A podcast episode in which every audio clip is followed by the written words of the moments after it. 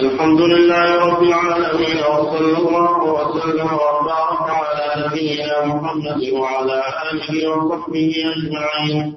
قال المؤلف رحمه الله تعالى وعن أبي أمية قال سألت أبا ثعلبه الخشني رضي الله عنه كيف تقول في هذه الآية؟ يا أيها الذين آمنوا عليكم أنفسكم لا يضركم من ضل إذا اهتديتم. قال اما الله لقد سألت عنها خبيرا سألت عنها رسول الله صلى الله عليه وسلم. فقال بل ائتمروا بالمعروف وتناهوا عن المنكر حتى إذا رأيتم شقا مطاعا وهوى متبعا ودنيا مؤثرا وإعجاب كل ذي رأي برأيه فعليك بنفسك ودع عنك العوام فإن من ورائكم أياما الصابر فيهن مثل القابض على الجمر. للعامل فيهن أجر خمسين رجلا يعملون مثل عملكم. قلنا منا منهم قال بل منكم. رواه أبو داود والترمذي. ورواه الوضاح معناه من حديث ابن عمر رضي الله عنهما ولفظه إن من بعدكم أياما للصابر فيها المتمسك بمثل ما أنتم عليه اليوم. له أجر خمسين منكم. ثم قال أنبأنا محمد بن سعيد؟ أنبأنا أسد قال أنبأنا سفيان بن عيينة عن أسلم البصري. عن سعيد بن الحسن يرفعه قلت لسفيان عن النبي صلى الله عليه وسلم. قال نعم. قال إنكم اليوم على بينة ربكم. بسم الحمد لله رب العالمين. وصلى الله وسلم على نبينا محمد على آله وأصحابه أجمعين. هذه الآية في سورة المائدة وهي قوله تعالى يا أيها الذين آمنوا عليكم أنفسكم لا يضركم من ضل إذا اهتديتم. إلى الله مرجعكم جميعا فينبئكم بما كنتم تعملون. هذا نداء من الله جل وعلا للمؤمنين. وحث لهم. عليكم أنفسكم. عليكم هذا ينوب عن فعل الأمر. الجار والمجرور. ينوب عن فعل الأمر. معناه الحث أي الزموا الزموا أنفسكم. فأنفسكم مفعول. بفعل محذوف. دل عليه الجار والمجرور عليكم. عليكم أنفسكم. أي أنقذوا أنفسكم. واعتنوا بأمر أنفسكم أولا. لا يضركم من ضل. الله جل وعلا يقول ولا تزر وازرة وزر أخرى. فمن ضل فضلاله على نفسه. ولا يسأل أحد عن عمل أحد وإنما يسأل كل عن عمل نفسه. ولا تسألون عما كانوا يعملون. فهذا معنى قوله لا يضركم ضل أن ضلال من ضل على نفسه. من اهتدى فإنما يهتدي لنفسه ومن ضل فإنما يضل عليه. ولكن عليكم بالدعوة إلى الله والأمر بالمعروف والنهي عن المنكر. هذا واجب لا يسقط. دائما بدليل الأدلة الأخرى. لعن الذين كفروا من بني إسرائيل على لسان داود وعيسى بن مريم ذلك بما عصوا وكانوا يعتدون. كانوا لا يتناهون عن منكر. قالوا وأوامر الأمر بالمعروف والنهي عن المنكر باقية مستمرة فليس معنى الآية إسقاط الأمر بالمعروف النهي عن المنكر كما يفهمه بعض العوام الجهال أو المغرض المغرض المغرضون. الذين يريدون أن يضربوا كتاب الله بعضه ببعض. يأخذون بطرف ويتركون الطرف الآخر. أما الذين في قلوبهم زيغ يتبعون ما تشابه منه. ابتغاء الفتنة. فالله الذي أنزل هذه الآية أنزل أيضا وجوب الأمر بالمعروف والنهي عن المنكر. فليس معنى هذه الآية سقوط الأمر بالمعروف والنهي عن المنكر. وإنما معناه أنه لا يضرك ضلال غيرك إذا ضل ولم يقبل. ولم يقبل الهداية ولم يقبل الموعظة نصيحة والأمر بالمعروف والنهي عن المنكر إذا لم يقبل فإنه لا يضرك وإنما يضر نفسه.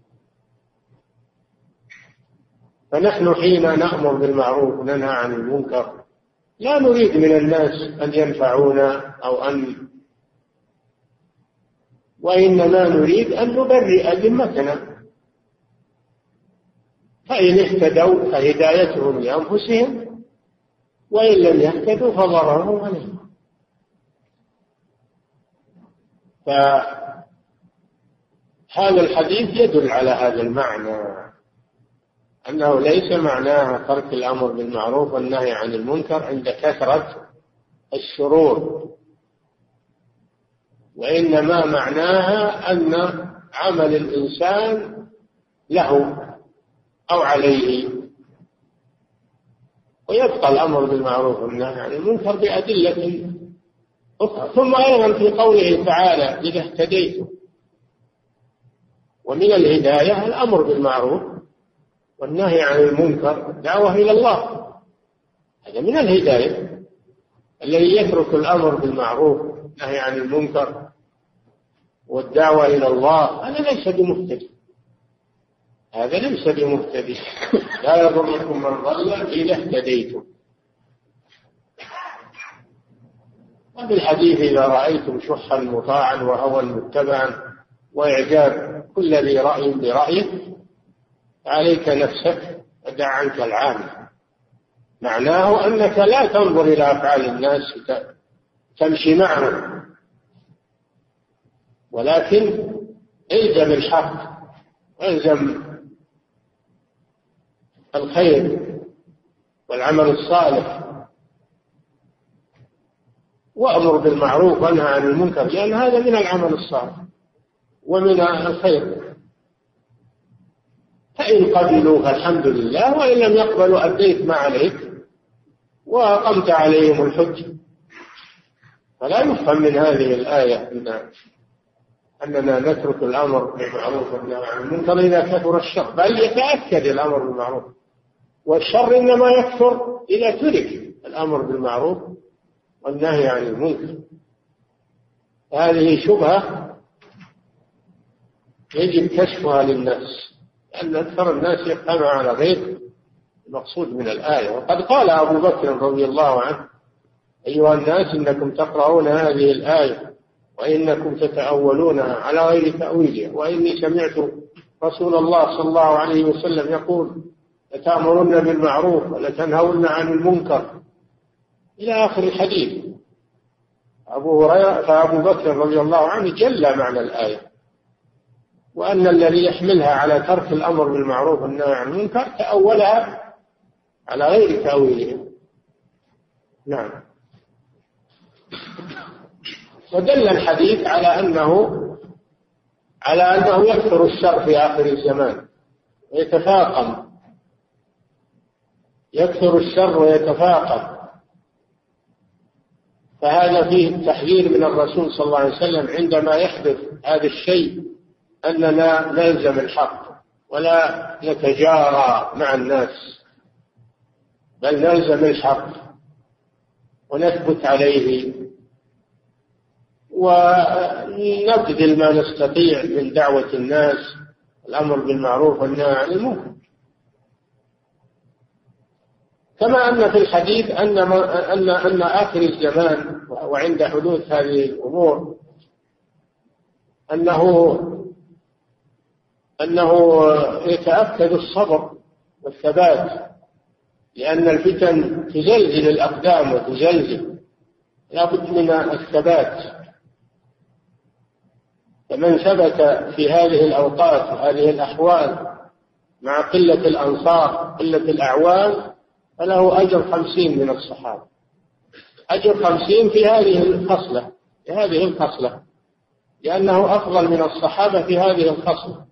في أنه صبر في وقت ليس له مناصر وليس له معين بل الناس ضده مع هذا ثبت أما الصحابة رضي الله عنهم ففي وقتهم الإسلام عزيز والرسول بين أظهرهم و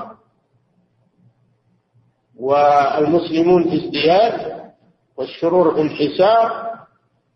من هذه الناحية كان الذي يأتي في آخر الزمان ويثبت على الحق مع قلة الأنصار والأعوان له أجر خمسين في هذه المسألة. هذه المسألة. ليس معناه أنه أفضل من الصحابة مطلقا. الصحابة لا أحد يعدلهم. ولكنه أفضل منهم في هذه المسألة. وهم أفضل منه في مسائل كثيرة. أفضل منه في الصحبة أفضل منه في الجهاد أفضل منه في الهجرة أفضل منه في أمور عظيمة لا يلحقهم أحد فيها.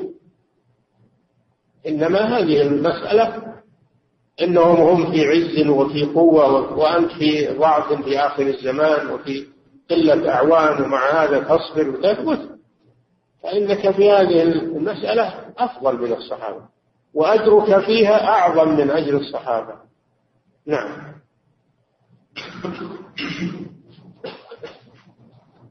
ثم قال أنبانا محمد بن سعيد أنبانا حسن قال أنبانا أحمد بن وضاح نعم. وروى ابن وضاح معناه من حديث وضاح هذا إمام من الأئمة له كتاب اسمه الحوادث والبدع. مطبوع. هو كتاب صغير ما هو كبير لكنه جيد في هذا الموضوع. نعم. وروى ابن وضاح معناه من حديث ابن عمر رضي الله عنهما ولفظه إن من بعدكم أياما للصابر فيها المتمسك بمثل ما أنتم عليه اليوم له أجر خمسين منكم. نعم. هذه الأيام التي يشتد فيها غربة غربة الإسلام وقلة الأنصار والأعوان وكثرة الأعداء والمخذلين والمرجفين كما كما تعلمون الآن والله أعلم أن هذه مبادئ لهذا الزمان الله أعلم. قد يكون يأتي زمان أشد من هذا. فالذي يثبت على دينه ويثبت على جهاده ودعوته هذا يكون كالقابض على الجمر. من شدة ما يلقى من الناس يحتاج إلى صبر شديد. نعم. فإن من ورائه. إن من بعد أيامكم أيام إن من بعدكم أيام للصابر فيها المتمسك بمثل ما أنتم عليه اليوم له أجر خمسين منكم. مثل ما أنتم عليه يعني الصحابة. اللي يثبت على الدين وعلى طريقة الرسول وأصحابه يكون من الفرقة الناجية. هذا معنى يكون من الفرقة الناجية. أنه يصبر حينما يتزلزل كثير من الناس. حينما ينجرف كثير من الناس يصبر هو على الحق ويصبر على مخالفة الناس ويصبر على لوم الناس وذمهم بل يصبر على ما يناله منهم في, في, نفسه وفي جسمه. قد يضرب وقد يسجن وقد وقد يقتل. يصبر. لأنه على الدين. ما دام أنه على الدين وعلى الحق. فلا يهمه ما, ما يصيبه في هذه الدنيا لأنه لحظة وينتهي. نعم. ثم قال أنبانا محمد بن سعيد أنبانا أسد قال أنبانا سفيان بن عيينة عن أسلم البصري عن سعيد أبي الحسن يرفعه. قلت لسفيان عن النبي صلى الله عليه وسلم قال نعم. قال إن هل هذا الذي ترويه ورد عن النبي صلى الله عليه وسلم قال نعم. يعني ليس أثرا عن عن غير النبي صلى الله عليه وسلم وإنما هو وإنما هو مرفوع مرفوع إلى النبي صلى الله عليه وسلم. نعم. قال نعم. قال إنكم اليوم على بينة إنكم اليوم على بينة من ربكم تأمرون بالمعروف وتنهون عن المنكر وتجاهدون في الله. ولم تظهر فيكم السكرتان سكرة الجهل وسكرة حب العين. وستحولون عن ذلك فلا تأمرون بالمعروف ولا تنهون عن المنكر ولا تجاهدون في الله. وتظهر فيكم السكرتان فالمتمسك يومئذ بالكتاب والسنة له أجر خمسين. قيل منهم قال لا بل منكم. اي نعم السكرتان سكرة الجهل. الجهل داء قاتل. وليس الجاهل يبقى يسكت على جهله لكن جاهل يتكلم في أمور الدين. ويفتي هذه المصيبة. أما الجاهل الذي يعترف بجهله يقصر شره عن الناس هذا أخف من الجاهل الذي يتكلم في أمور الدين.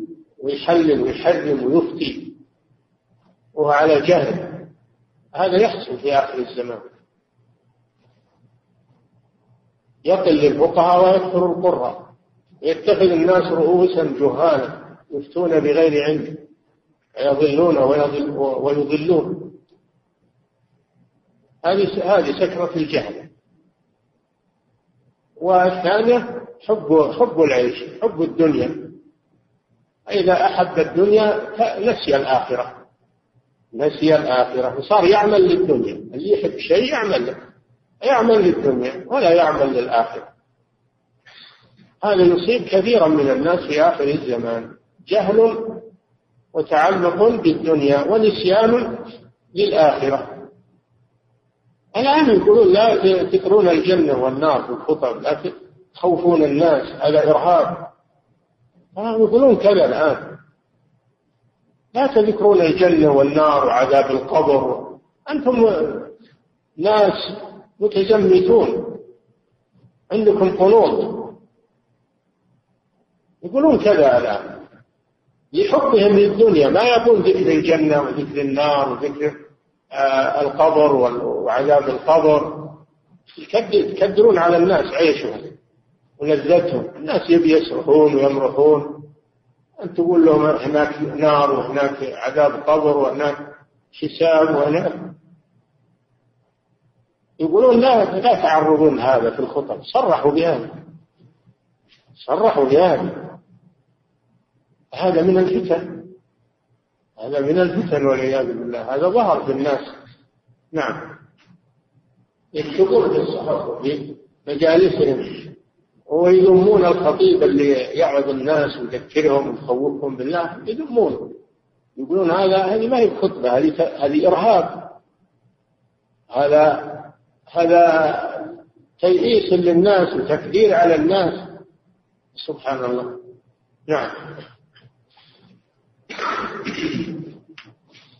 وله بإسناد عن المعافي قال قال رسول الله صلى الله عليه وسلم طوبى للغرباء الذين يمسكون بكتاب الله حين يترك ويعملون بالسنة حين تطبع هذا كما سبق أنه صلى الله عليه وسلم سئل من الغرباء؟ قال الذين يصلحون. إذا فسد الناس. وفي رواية الذين يصلحون ما أفسد الناس. وهذا الحديث يقول طوبى للذين يمسكون بكتاب الله. يمسكون. هم يتمسكون بأنفسهم ويمسكون غيرهم. ويمسكون غيرهم بكتاب الله في الأمر بالمعروف والنهي عن المنكر والتعليم والدعوة إلى الله. والذين يمسكون بالكتاب وأقاموا الصلاة إنا لا نضيع أجر المصلحين. لا شك أن الذي يثبت على الدين عند الفتن والشرور وانقلاب الناس ضده وهو يثبت أن هذا يرجى له خير كثير. لكن هذا نادر. أكثر الناس ما يصبر. أكثر الناس ما يصبر. لو أنه يحب الخير ما يصبر. يروح مع الناس. نعم. قال رحمه الله. الشيخ ابن رجب رحمه الله له رسالة قيمة. له رسالة قيمة في هذا الموضوع في مسألة الغربة. أظن أظن عنوانها زوال الكربة في حال أهل الغربة أو أو ما حول هذا. مطبوعة نعم. قال رحمه الله تعالى باب التحذير من البدع. تحذير من البدع. البدع جمع بدعة وهي ما أحدث في الدين مما ليس منه. ما أحدث في الدين مما ليس هو منه. عبادة أو ذكر أو غير ذلك من من أمور الدين. الدين كامل ولله الحمد. ما توفي الرسول صلى الله عليه وسلم إلا وهو كامل اليوم أكملت لكم دينكم. فلا يحتاج إلى أن أحد يأتي يضيف يضيف إلى الدين شيئا جديدا. ولو كانت نيته صالحة فلا يجوز هذا هذا مبتدع. ولو كان نيته صالحة الدين لا يقبل الزيادة والإضافة لأن الله أكمله. اليوم أكملت لكم دينكم. فهذه هي البدع. وقد قال صلى الله عليه وسلم من أحدث في أمرنا هذا ما ليس منه فهو رد. في رواية من عمل عملا ليس عليه أمرنا فهو رد. قال عليه الصلاة والسلام عليكم بسنتي وسنة الخلفاء الراشدين كما يأتي في الحديث حديث العرباض. وعضوا عليها فإن وعضوا عليها بالنواجذ وإياكم ومحدثات. لما حث على التمسك بالسنة نهى عن البدع وإياكم ومحدثات الأمور. فإن كل محدثة بدعة وكل بدعة ضلالة. قال صلى الله عليه وسلم إن خير الحديث كتاب الله خير الهدي هدي محمد صلى الله عليه وسلم وشر الأمور محدثاتها. شر الأمور المحدثات. الذي أتى بها يريد الخير يظن أنه محسن وأن هذه خير وهي شر عين خير فنيته لا تقلبها إلى خير هي شر. الواجب الاتباع الواجب الاتباع. وترك الإحداث والاستحسانات والتقليد الأعمى للمبتدعة. نعم. عن العجبان بن ثانية رضي الله عنه قال وعظنا رسول الله صلى الله عليه وسلم موعظة بليغة وجلت منها القلوب وذرفت منها العيون. والرسول صلى الله عليه وسلم يعظ. وعظهم وقل لهم في أنفسهم أولا بليغا. الرسول يعظ. اليوم لو يجي واحد يعظ قال هذا معقد. هذا معقد. هذا متشائم. هذا هذا إلى آخره. ما يفتح للناس البسمة ويفتح للناس السرور والفرح. ما يقول ذكر الوعيد أبدا. ما يقول ذكر الوعيد. نعم. الرسول وعظ أصحابه. ففيه في هذا دليل على أن على أن العالم يعظ يعظ الناس. قد كان صلى الله عليه وسلم يتخول أصحابه بالموعظة يعني يعظهم يوما بعد يوم. هو بداهم على الوعظ إنما يتخولهم يتحوله يوما بعد يوم أو بعد يومين أو ما شاء الله. لا يداوم على ذلك يملل الناس إنما يتخوله وعظنا رسول الله صلى الله عليه وسلم موعظة بليغة. وجلت منها القلوب وجرفت منها العيون. ولو قال ولا قالوا هذا متشائم أو هذا هذا متشدد أو هذا هذا رسول الله صلى الله عليه وسلم. الذي هو أعلم الخلق بالله عز وجل وبما يرضي الله عز وجل وبما ينقذ الناس من الشر هو أعلم الخلق صلى الله عليه وسلم وهو يعرف وليست موعظة يسيرة وإنما هي موعظة بليغة. ذرفت منها العيون وجلت منها القلوب وذرفت منها العيون وقد ذكروا أن هذا بعد صلاة الفجر. أنه أنه أن هذه الموعظة بعد صلاة الفجر. فقلنا يا رسول الله كأنها موعظة مودع. فهموا منها أنها وصية من الرسول صلى الله عليه وسلم وأن وأن حياته على وشك النهاية. كأنها وصية مودع فأوصنا كأنها موعظة مودع فأوصنا نعم.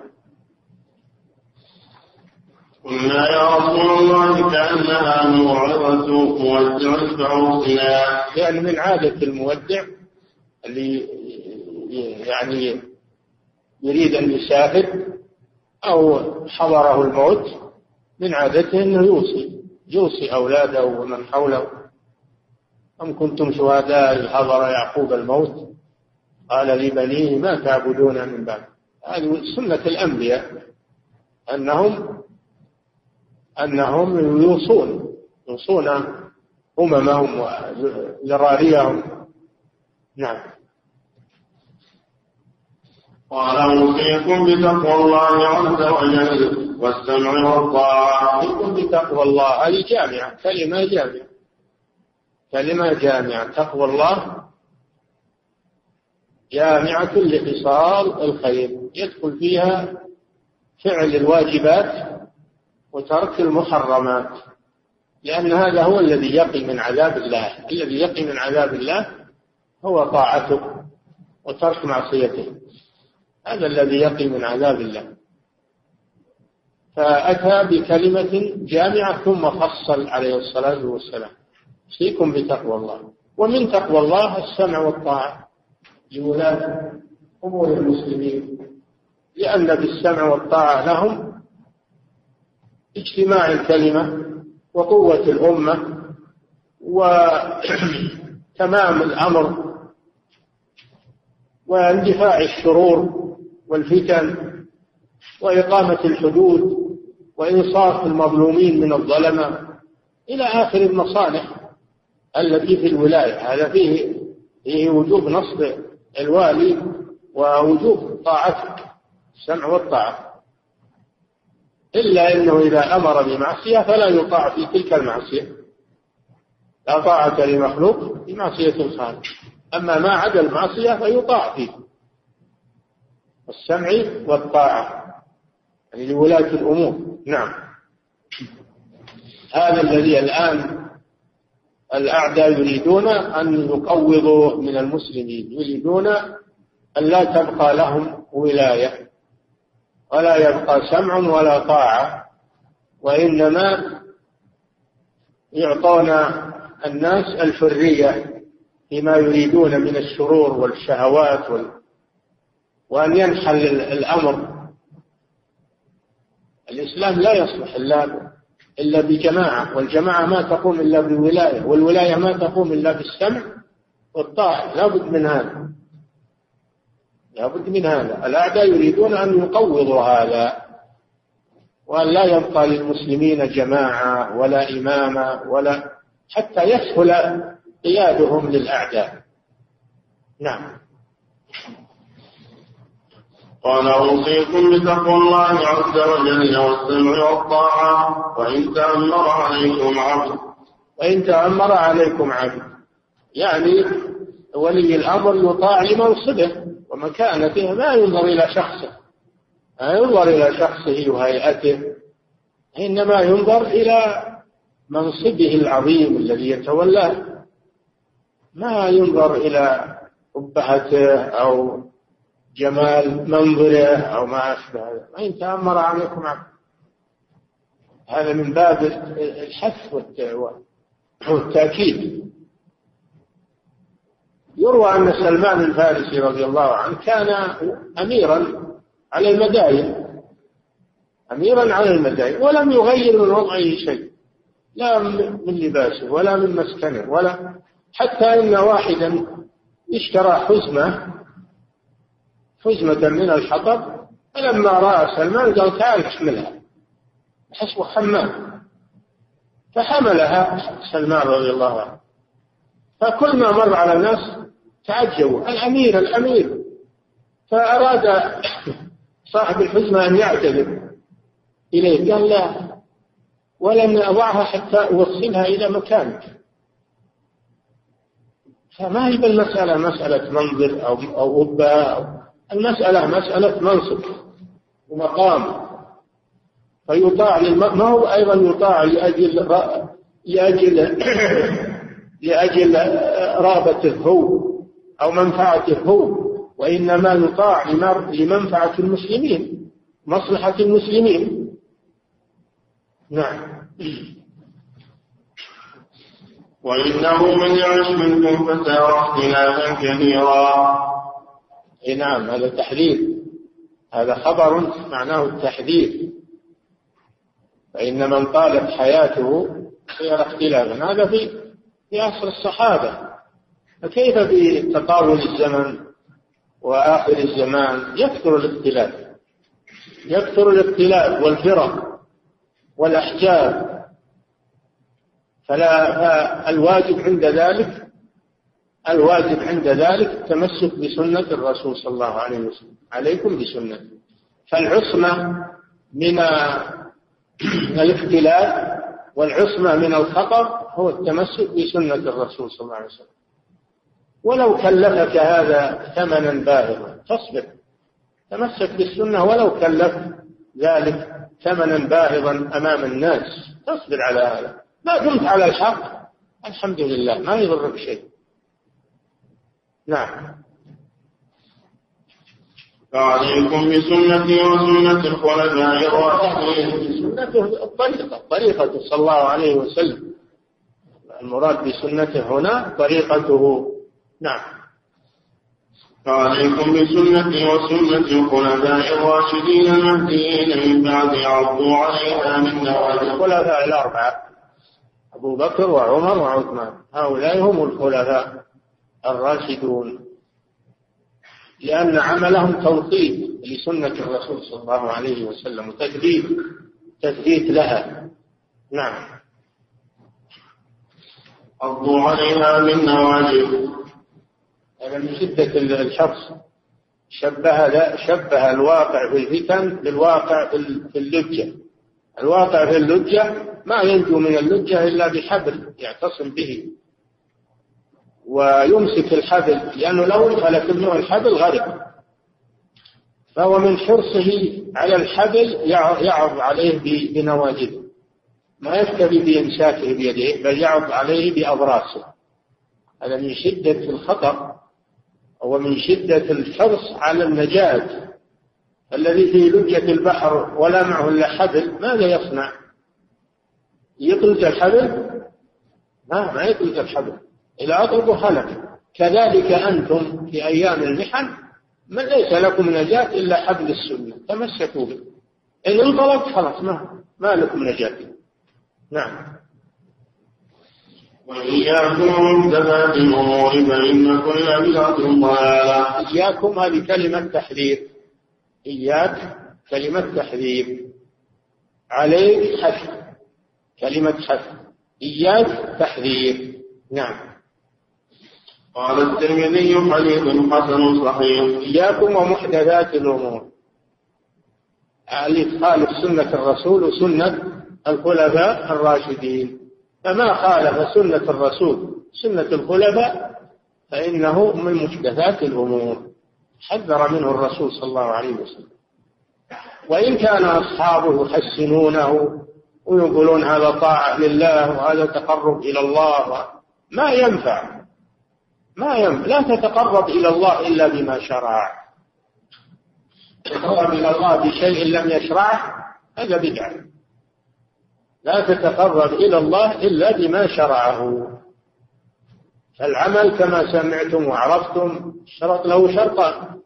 الأول الإخلاص لله والثاني والثاني العمل بالسنة وتجنب البدع. فإن كان العمل فيه شرك لا يقبل إن كان العمل مبتدع لا يقبل. لا بد من الاثنين. نعم. نعم. وإياكم ومحدثات الأمور فإن كل بدعة ضلالة. إياكم ومحدثات الأمور. إياكم قلنا كلمة تحذير ومحدثات منصوب. علامة نصبه الكسرة نيابة عن الفتحة لأنه جمع مؤنث سالم. وهو منصوب على الإغراء. ومحدثات الأمور يعني المبتدعات. المبتدعات. المخالفة للسنة. ثم علل ذلك بقوله صلى الله عليه وسلم فإن كل محدثة بدعة. كل محدثة بدعة.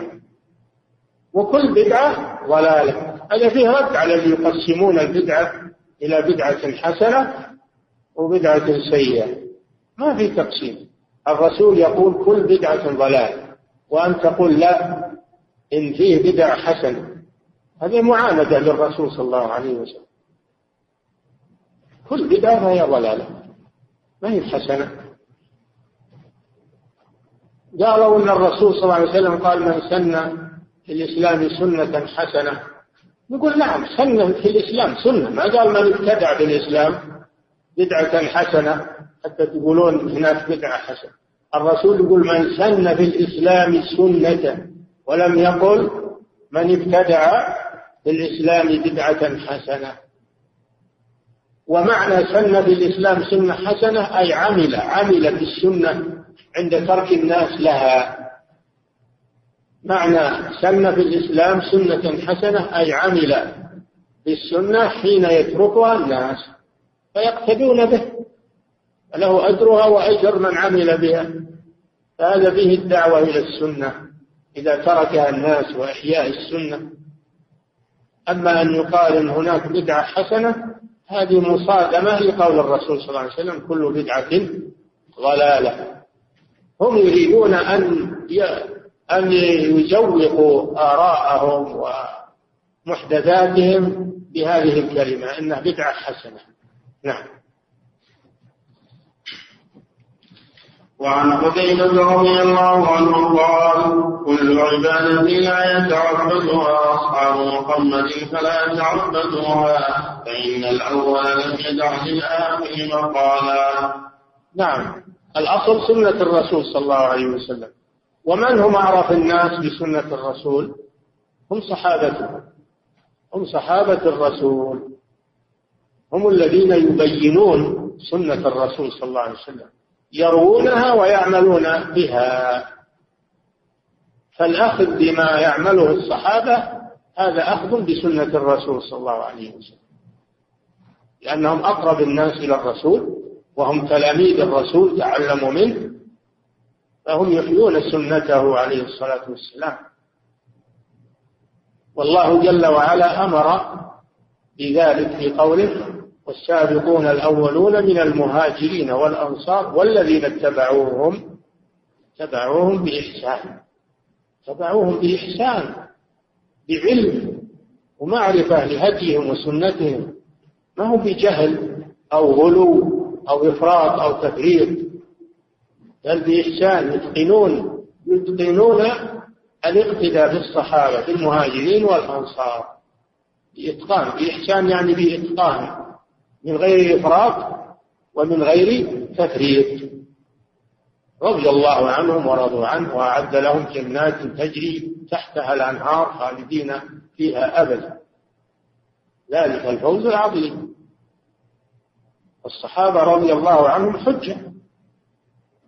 إذا عملوا عملا فهو من سنة الرسول صلى الله عليه وسلم. وأما من جاء بعدهم فإنه يخطي ويصيب. من جاء بعدهم يخطي ويصيب. نعم. فاتقوا الله يا معشر القراء وخذوا طريق من كان قبلكم. اتقوا الله يا معشر القراء. يريد العلماء لأن في ذاك الوقت القراء هم العلماء. وليس المراد مجرد الذين يحفظون القرآن بالتجويد لا المراد بالقراء في الزمان الأول العلماء. لأنهم ما كانوا يتجاوزون عشر آيات حتى يتعلموا معانيهن والعمل بهن.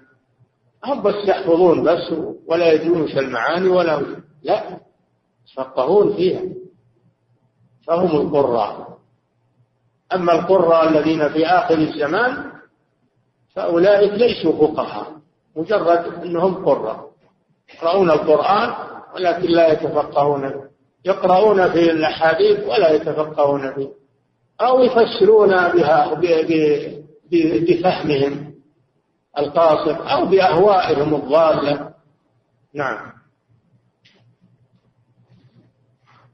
وقال الدارمي وأخبرنا الحكم بن المبارك أنبأنا عمرو بن يحيى قال سمعت أبي يحدث عن أبيه قال كنا نجلس على باب عبد الله بن مسعود رضي الله عنه قبل تنبهوا لهذه القصة هذه عظيمة وعجيبة.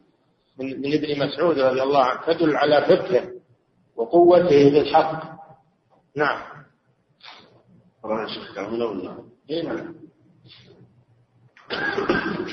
لكن أنت في تحت ما نعم. قال سمعت أبي يحدث عن أبيه قال كنا نجلس على باب عبد الله بن مسعود رضي الله عنه قبل صلاة الغداء. هذا تقدير السلف لأهل العلم. كانوا يحرصون على الأخذ عنهم والمشي معهم ومجالستهم. خلاف اللي يقولون الآن العلماء متحجرون والعلماء آه النفعيون والعلماء أصحاب وظائف ويحذرون من العلماء. نعم. فإذا خرج مشينا معه إلى المسجد فجاءنا أبو موسى الأشعري رضي الله عنه أبو ابن مسعود في الكوفة مفتيا كان مفتيا ومعلما وأبو موسى كان أميرا كان أميرا على الكوفة. نعم. صحابيان جليلان.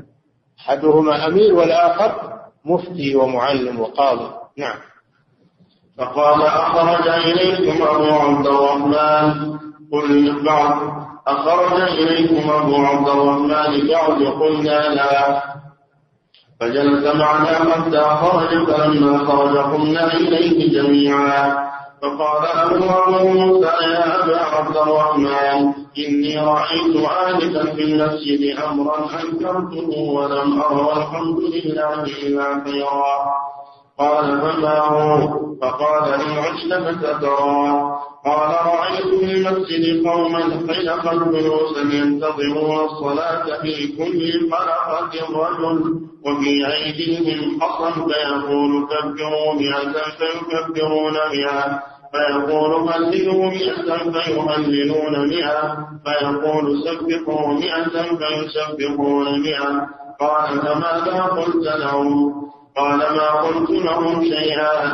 انتظار رأيك أو انتظار أمرك؟ نعم. أصل التسبيح والتهليل والتكبير مشروع لكن جعلوا على هذه الصفة يتحلقون حلف ومعهم واحد وعندهم حصى يقول لهم كبروا مئة فيكبرون مئة بعد يعدون بالحصى. يعدون بالحصى. ثم يقول هللوا مئة فيهللون يعدون بالحصى. إلى آخره. هذا بدعة. الصورة هذه بدعة. أما التسبيح والتهليل والتكبير هذا مشروع. لكن الصورة هذه بدعة. هذه بدعة. ما أمر بها رسول الله ولا فعلها صلى الله عليه وسلم. وهذه تؤول إلى شر كما يأتي في آخر في آخر القصة آلت إلى شر صاروا هؤلاء مع الخوارج يقاتلون المسلمين. آل بهم الابتداع إلى الخروج عن عن الولاة ولاة أمور المسلمين. نعم. قال أفلا أمرتهم أن يردوا سيئاتهم وضمنت لهم أن لا يضيع من حسناتهم شيء. نعم. يقول إن العد هذا بدعة. وأنت تعد على الله عز وجل. أنت تعد على الله. الله ما ما يخفى عليه شيء. لكن عليك تعد سيئاتك. تتوب منها. أما الحسنات اعمل الحسنات ولا تعددها. تقول أنا أنا سبحت مئة أو ألف أو أو عشرين ألف أو ما أشبه ذلك. هذا من من الرياء. وهذا بدعة. ما, ما ورد أن الإنسان يحصي عمله. يحصي حسناته. ما ورد هذا. نعم.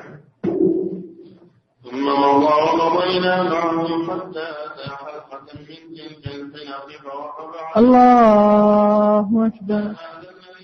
الله أكبر. الله أكبر. الله أكبر.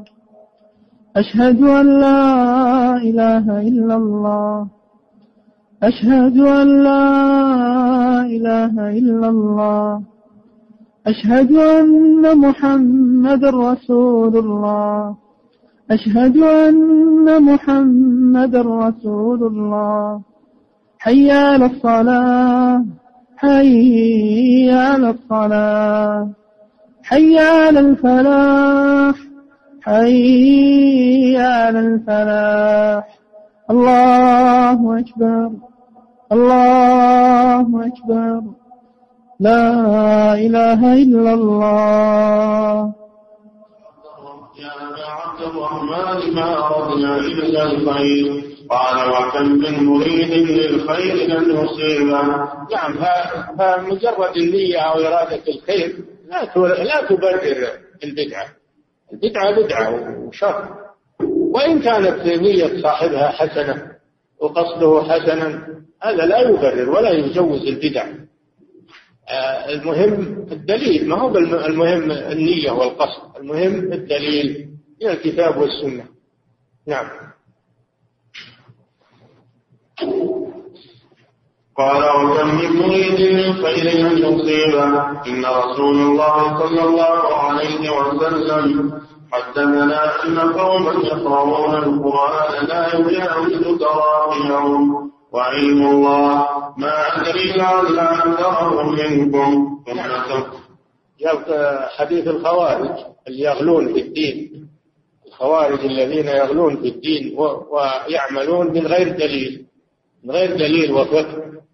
وإنما يقرؤون القرآن من غير فهم له. ويجتهدون من عند أنفسهم وبآرائهم من غير أن يتفقهوا في دين الله. هذه طريقة الخوارج. فتوقع رضي الله عنه منهم أنهم سيكونون من الخوارج وصاروا من الخوارج. لأن البدعة تجر إلى الشر. البدعة تجر إلى الشر. وأما السنة فتجر إلى الخير. نعم. وإيم الله ما أدري.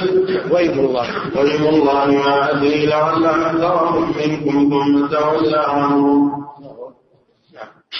فقال عمرو بن رضي الله عنه رأينا عامة أولئك الخلق يطاعنوننا يوما نقرأ مع الخوارج. كما توقع ابن مسعود رضي الله عنه. رآهم مع الخوارج يقتلون المسلمين في النهروان. والنهروان موقعة جرت بين علي رضي الله عنه والخوارج فنصر الله أمير المؤمنين عليهم وقتل منهم مقتلة عظيمة وقعت النهروان في العراق. فهؤلاء الذين أخذوا هذه البدعة جرتهم إلى الخوارج وصاروا معهم وقتلوا معهم والعياذ بالله. فهذا فيه التحذير من البدع وأنها تجر إلى شر. ولو كانت نية أصحابها حسنة أو مقاصدهم طيبة لأن ما هو بالمدار على النية والقصد المدار على الدليل على الدليل من كتاب الله أو من سنة رسول الله صلى الله عليه وسلم. الدين كامل ولله الحمد. اليوم أكملت لكم دينكم فما لم يأمر به الرسول صلى الله عليه وسلم ولم يفعله ولم يقر أحدا عليه فإنه ليس من الدين.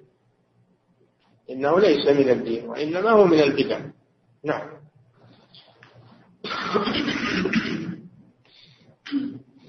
والله المستعان وعليه التكلان وصلى الله وسلم على سيدنا محمد وعلى آله وصحبه أجمعين.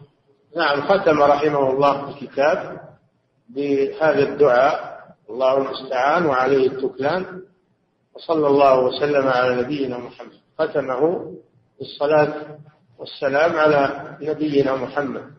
كما بدأوا بذلك.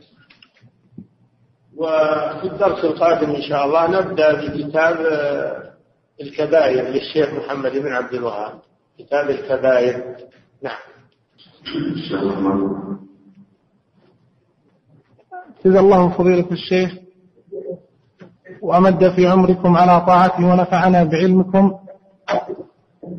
أستأذنكم في تنبيه الإخوة الكرام على المحاضرة التي سوف تقام لفضيلة الشيخ أحمد بن علي سير المبارك عضو هيئة كبار العلماء وعضو اللجنة الدائمة للإفتاء يوم الجمعة إن شاء الله تعالى بعد صلاة المغرب في الموافق 20 ستة وسوف ينقل هذه وسوف تنقل هذه المحاضرة من الطائف إلى جميع المناطق التي تتابع معنا هذا الدرس.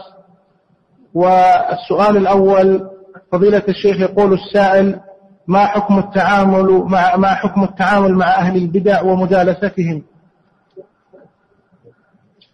أولا المحاضرة وين تقام فيه؟ في أي مسجد؟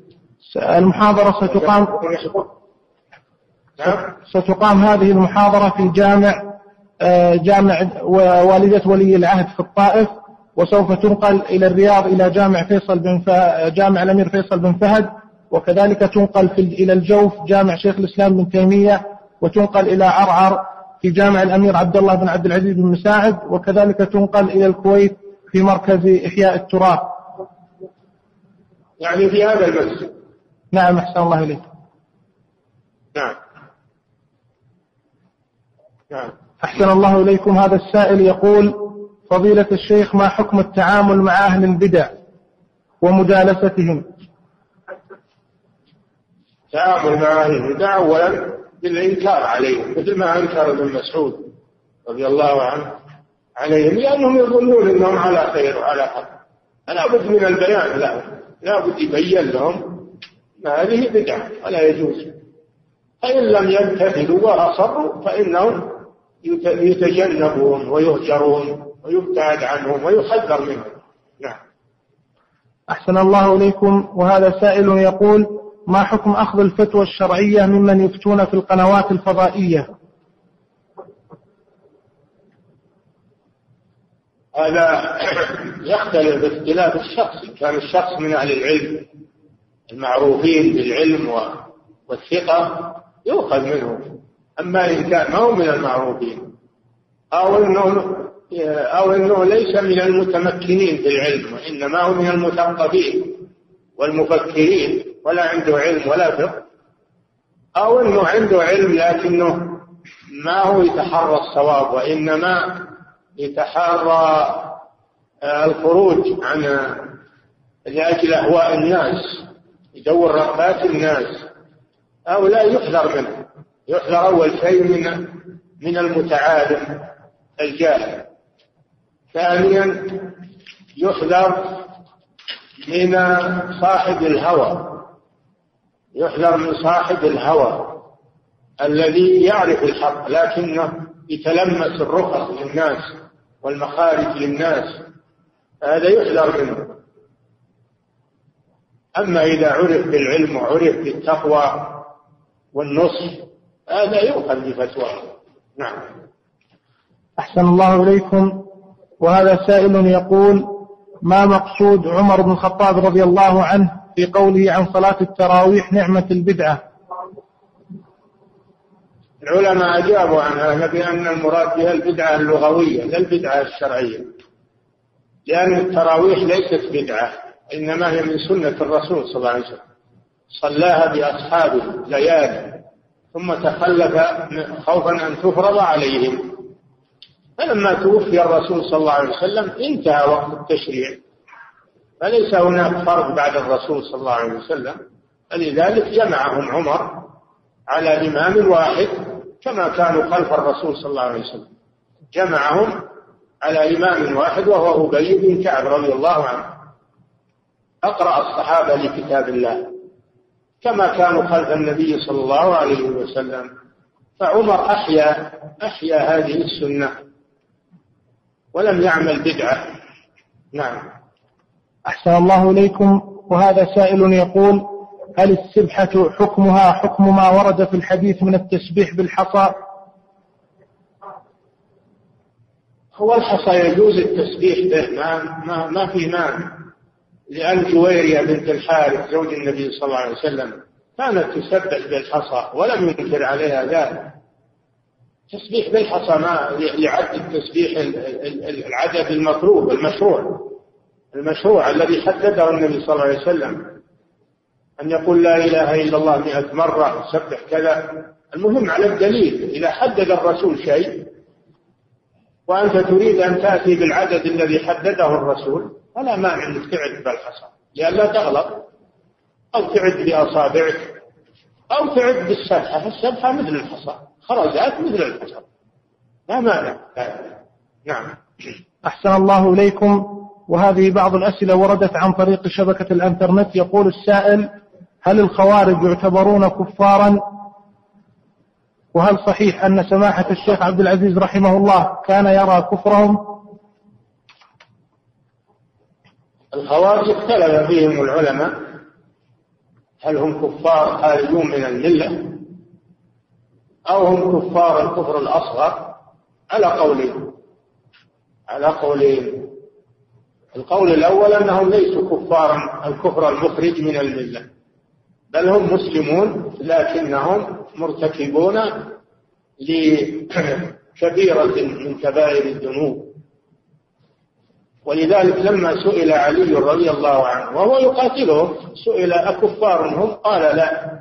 من الكفر فروا. من الكفر فروا. ليسوا كفارا على هذا القول. وهذا قول الجمهور. جمهور أهل العلم أنهم لا ليسوا كفارا خارجين من الملة. القول الثاني أنهم كفار خارجون من الملة. على ظاهر الأحاديث يمرقون من الدين. كما يمرق السهم من الرمية ثم لا يعودون إليه. أخذوا الحديث على ظاهره. الله أعلم. وأما الشيخ عبد العزيز رحمه الله فلم أعلم فلا أعلم أنه أفتى بذلك ولا سمعته منه ولا قرأته في كتبه. نعم إنما يحذره من مذهب الخوارج.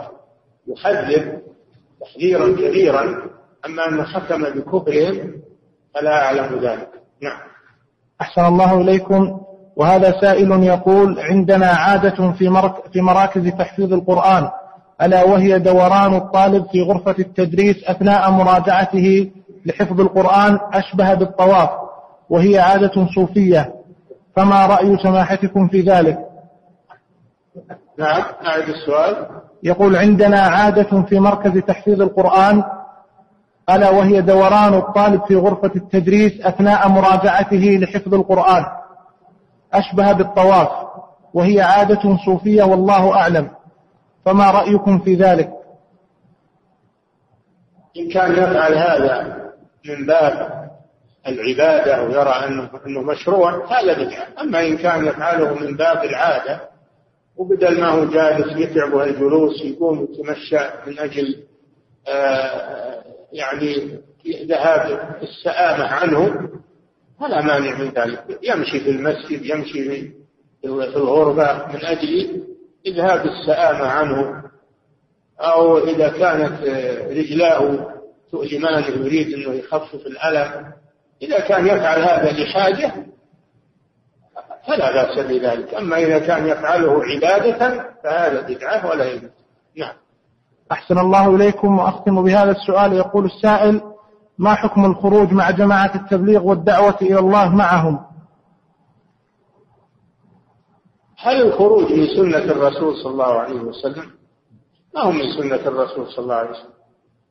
وهل منهجهم وما فيه من الاصطلاحات التي أحدثوها هل هذا في سنة الرسول صلى الله عليه وسلم؟ لا أيضا هم يحذرون من من من من التعلم والدراسة ويقولون عليك بالعبادة. هذه طريقة الصوفية. عليك بالعبادة لأنك إذا جلست للتعلم يشغلك عن العبادة. سبحان الله والتعلم ما هو عبادة تعلم عبادة. بل هو أفضل أنواع العبادة كما مر بكم. فهم يحذرون من طلب العلم. ويعترفون يقولون نحن لسنا علماء. كيف تكونون دعاة وأنتم لستم علماء؟ ما يكون داعية إلا من كان عالما هم يعترفون أنهم ما هم علماء وإنما هم دعاة.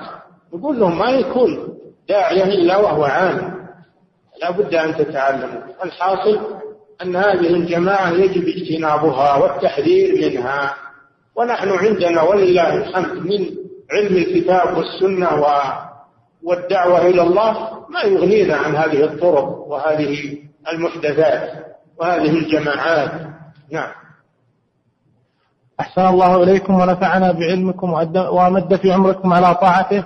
ننتقل إلى الإخوة في الجوف. الشيخ طارق.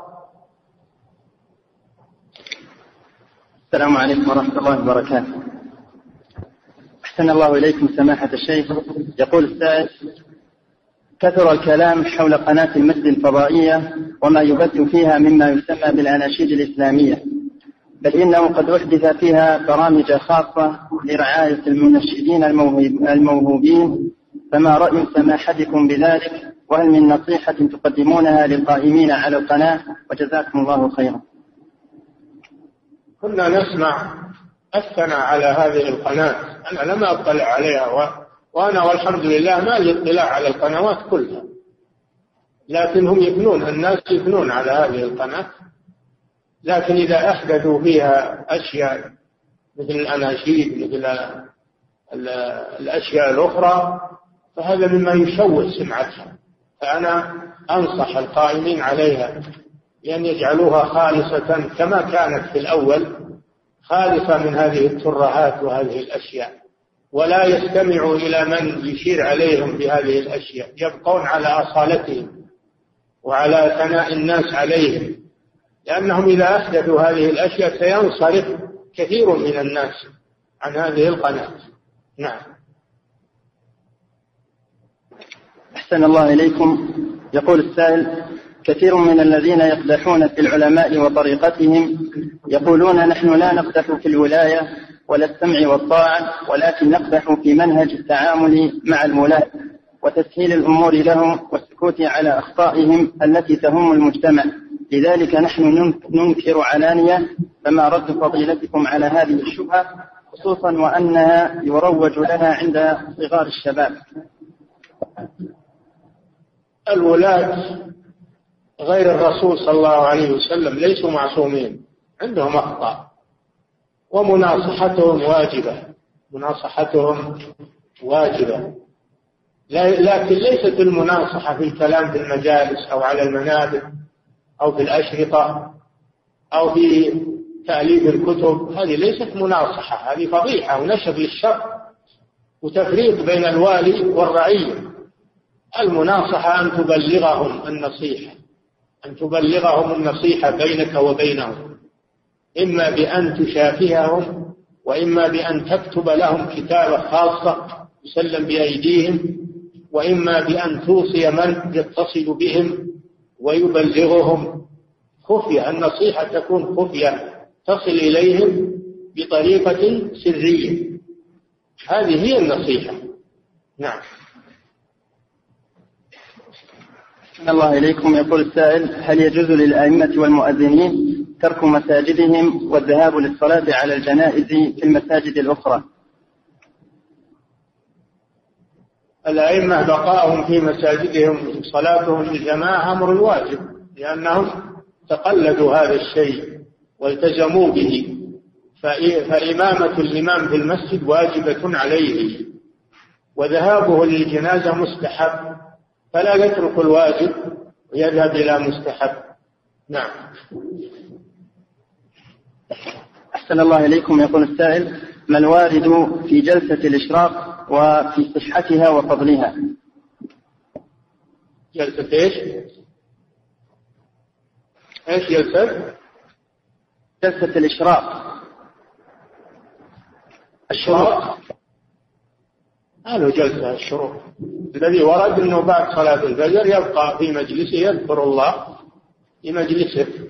في مصلاه يبقى في مصلاه يذكر الله حتى ترتفع الشمس فيقوم ويصلي ركعتين. وأن ذلك يعدل حجة وعمرة. هذا الذي ورد ولا يسمى جلسة الإشراق. يسمى الجلسة بعد صلاة الفجر إلى إشراق الشمس وارتفاعها. نعم. هذا هذا ورد في حديث إن كان الحديث فيه مقال لكن يقولون إن طرقه يقوي بعضها بعضا فيعمل به في هذه المسألة. نعم. أحسن الله إليكم. آخر سؤال يقول السائل بعض الشباب يقومون بشراء مجموعة من بطاقات الاتصال المدفوعة سوا ثم يقومون بتقسيطها على شخص بمبلغ مؤجل. هل هذا العمل جائز؟ وما توجيه سماحتكم في ذلك؟ أصل بطاقة سواء هل هي جائزة ولا لا. فإذا جازت هل يجوز بيعها أو لا. أنا لا أرى أنا لا أرى بطاقة سواء أنها فيها جهالة وفيها غرق وفيها خداع وفيها ذهاب للمال بحيث أنه إذا مضت المدة تروح عليك وتسلم ثمنها. لماذا تروح عليك؟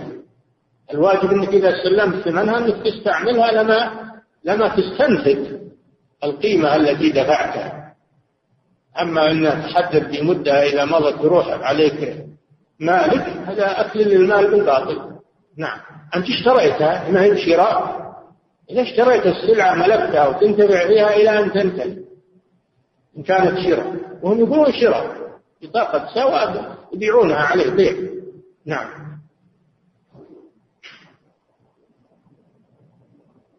من تناول الأذان الشيخ الموثق للإخوان العرب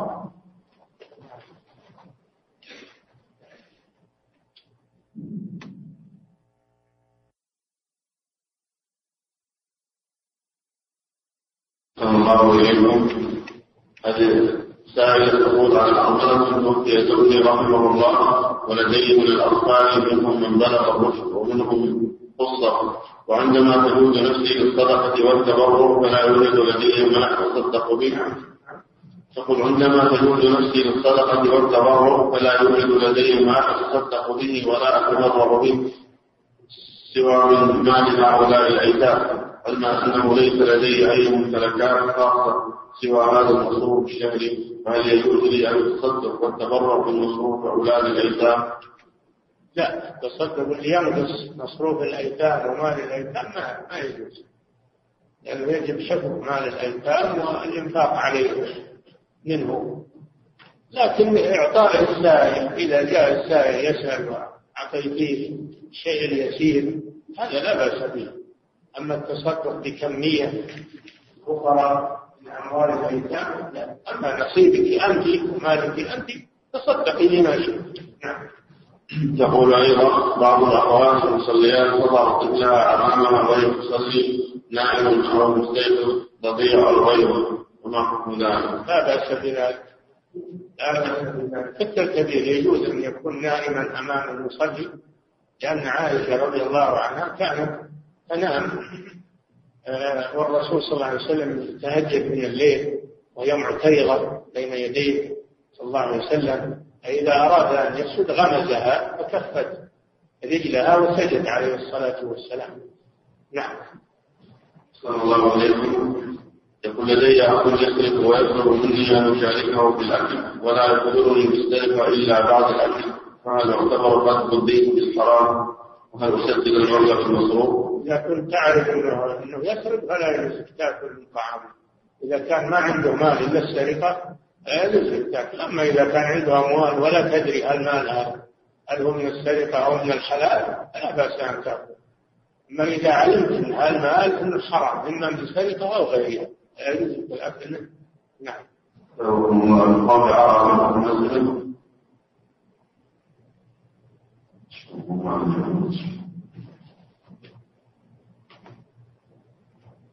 طيب يقول رجل لديه زوجتان ومن الزوجة الأولى بنت ولديها ولد السؤال عن الولد رجل لديه زوجتان ومن الزوجة الأولى بنت ولديها ولد بنت ولديها ولد يعني لها بنت ولد نعم الولد البنت.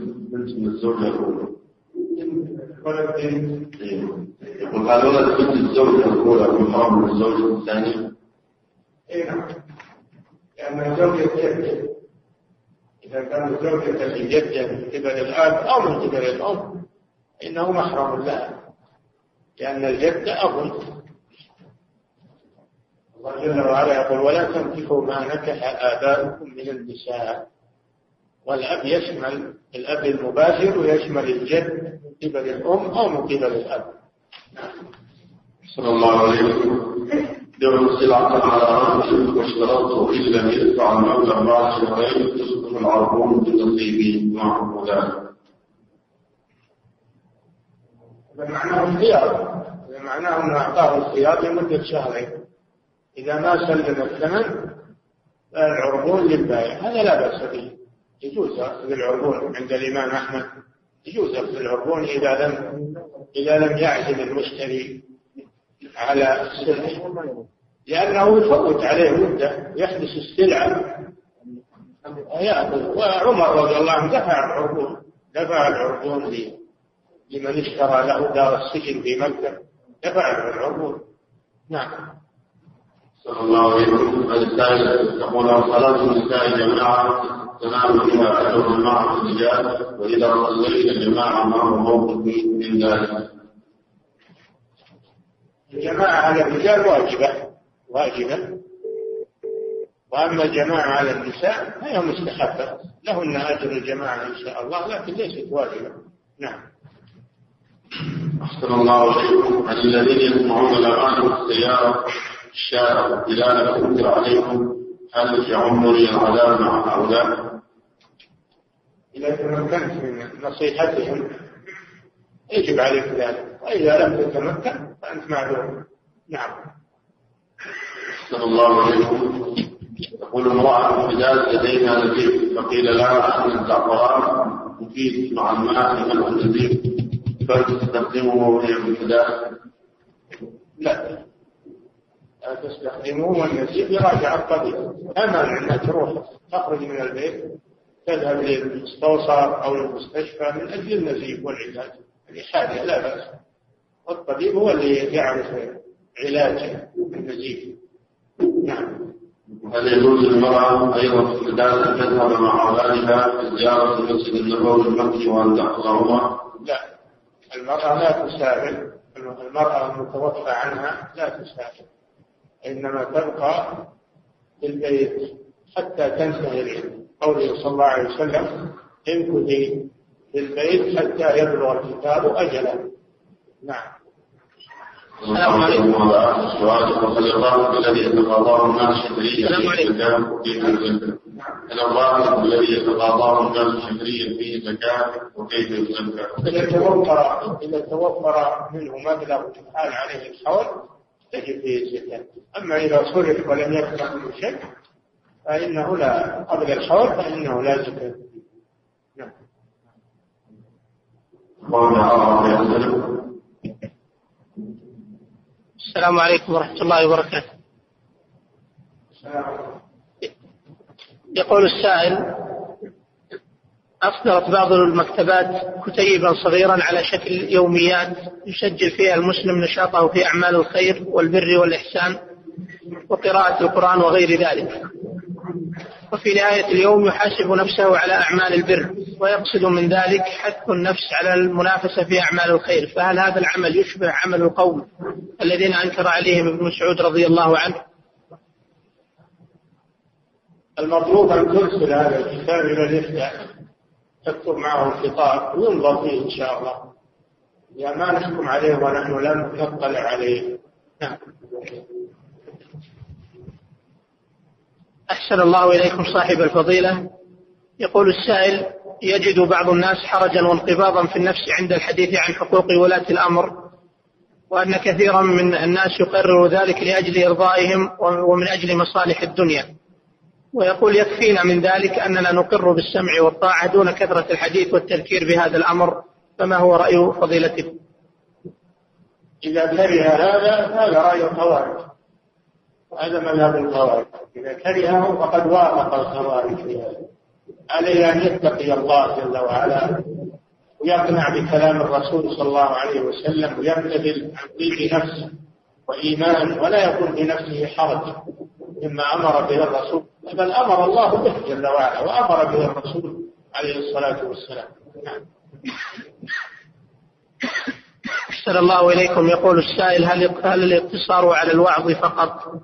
منهج نبوي وذلك أن بعض الدعاة لا يتكلم إلا بالوعظ والترهيب ويورد على ذلك ما يناسب من القصص ولا يذكر الترغيب في أعمال الخير بل يركز على ذكر الترهيب. هل هذا منهج نبوي وأسلوب من أساليب الدعوة؟ نعم القرآن جاء بالترغيب والترهيب وجاء بالوعد والوعيد. والرسول صلى الله عليه وسلم كذلك جاء بالوعد والوعيد. فلا يقتصر على الترهيب فقط لأنه ربما يقنط الناس من رحمة الله. ولا يقتصر على الترهيب فقط لأنه ربما يعتمدون على الرجاء ولا يخافون من العقوبة. فيجمع بين هذا وكما في القرآن والسنة يجمع بين الترغيب والترهيب. نعم. أحسن الله إليكم. يقول السائل ما رأي فضيلتكم بمن يقترح أن تتحمل الدولة ما أتلفه هؤلاء الخوارج الذين فجروا وقتلوا ويستدل لذلك بقصة خالد بن الوليد رضي الله عنه؟ يرفع رأيه هذا للدولة والدولة تنظر فيه. نعم. وهذا سائل يقول ما هي نصيحتكم لنا في أوقات الفتن والمحن خصوصا إذا لم نستطع سؤال المشايخ والاتصال بكبار العلماء لأنه لا يوجد في بلدنا أحد منهم. يا أخي عندكم القضاة. القضاة إن شاء الله فيهم خير. غالبا ما تخلو بلد أو قريب من البلد من القضاة. يسألون القضاة. فيهم خير إن شاء الله. نعم. وهذا سائل يقول هل تبرأ ذمتي إذا قمت بنصح بنصح جار المسجد أكثر من مرة ولكن دون جدوى؟ نعم النصح واجب تكراره أيضا واجب ولكن إذا لم يمتثل ترفع بأمره إلى مركز الهيئة القريب منه. يخبروه ويجروا معه ما ترفع أمره إلى الهيئة نعم. أحسن الله إليكم هذا السائل يقول ما رأي فضيلتكم في قول البعض أن كبار العلماء لا يردون على أصحاب البدع والخوارج ردا صريحا واضحا مما أدى إلى زيادة شرهم. وش يدري أن العلماء ما رد؟ يعني هو ما يقرأ ولا يطلع ويظن أن العلماء ردوا ولله الحمد. بالمؤلفات بالمحاضرات بالكتب بالنشرات بالصحف العلماء ردوا لكن هذا يمكن إنه ما هو يقرأ. أو إنه يقرأ ولا يفهم نعم أحسن الله إليكم. يقول السائل أنا شاب ملتزم ويسكن إخواني معي في البيت مع نسائهم وهن يكشفن وجوههن عني وأنا أعاني مع من ذلك. علما أن والدتي تقول لي لا تفرق إخوانك وتأمرني بأن أصبر على ذلك. أرشدوني جزاكم الله خيرا. هذا منكر كشف النساء وجوههن عند إخوان أزواجهن هذا منكر. معصية لله ولرسوله. أن تبلغ طيب فإذا لم يعتزلوا أرى أنك ما تبقى بهذا. إن كان لك قدرة اعتزل هذا البيت واسكن في مكان آخر. إذا لم يمتثلوا رجالة هذا المنكر. أما إذا كنت لا تقدر على ترك البيت فتكون في جاهل ولا ولا تخالف هؤلاء النسوة. لا تخالفهن بعد نصيحة لا تخالف خليك على طرف في غرفة أو في مجلس لا يأتيه إليه النساء نعم. أحسن الله إليكم. يقول السائل يحتج البعض من الناس على جواز الأخذ من اللحية بفعل بعض طلبة العلم والمشايخ الذين يأخذون من لحاهم فكيف نرد على هؤلاء؟ طلبة العلم والمشايخ يطالبون بالدليل على فعله. فإذا أقاموا دليلا في سنة الرسول صلى الله عليه وسلم وإلا ففعلهم خطأ. ولو كانوا علماء ولو كانوا مشايخ يخطئون يصيبون يطالبون بالدليل الصحيح الدليل الصحيح على ذلك أحسن الله إليكم. يقول السائل كثر في أيام الإجازة ظاهرة سيئة من الشباب خاصة من بعض المستقيمين هداهم الله وهي النوم عن صلاة الظهر والعصر. وعذرهم في ذلك أنهم لا ينامون إلا متأخرين. نرجو توجيه نصيحة لهؤلاء. كيف يكون المستقيمين وهم ينامون عن صلاة العصر؟ أو صلاة الظهر وصلاة العصر. هذا ما استقامة هذا انشراف عليهم التوبة إلى الله عز وجل. وأداء الصلاة في وقتها مع جماعة المسلمين لا سيما إذا كانوا ينتسبون لطلب العلم وهم قدوة. هم قدوة يقتدي بهم الناس. عليهم أن يصلوا كل صلاة في وقتها مع جماعة المسلمين. نعم. أختم بهذا السؤال حفظكم الله حيث يقول السائل الحمد لله الذي أنعم علينا بختم هذه الرسالة. هل نكون قد أخذناها عنكم بأن نقول قال شيخنا ونكون ممن طلب العلم عند سماحتكم؟ لا بأس بذلك. إذا كان عندكم تسجيل والصوت والكلام الذي قلناه مسجل أو مكتوب مفرغ فلا بأس أن تقولوا هذا شرح فلان. هذا شرح فلان على رسالة الشيخ محمد بن عبد الوهاب. نعم. أحسن الله عليكم. فضيلة الشيخ وبارك فيكم. ونرجو مرة إلى مرة أخرى. لأن هناك محاضرة للشيخ أحمد زين مبارك يوم الجمعة القادم إن شاء الله. 20 ستة في هذا الجامع تكون قد حول في المناطق الممتازة تفضل الله وجل الله.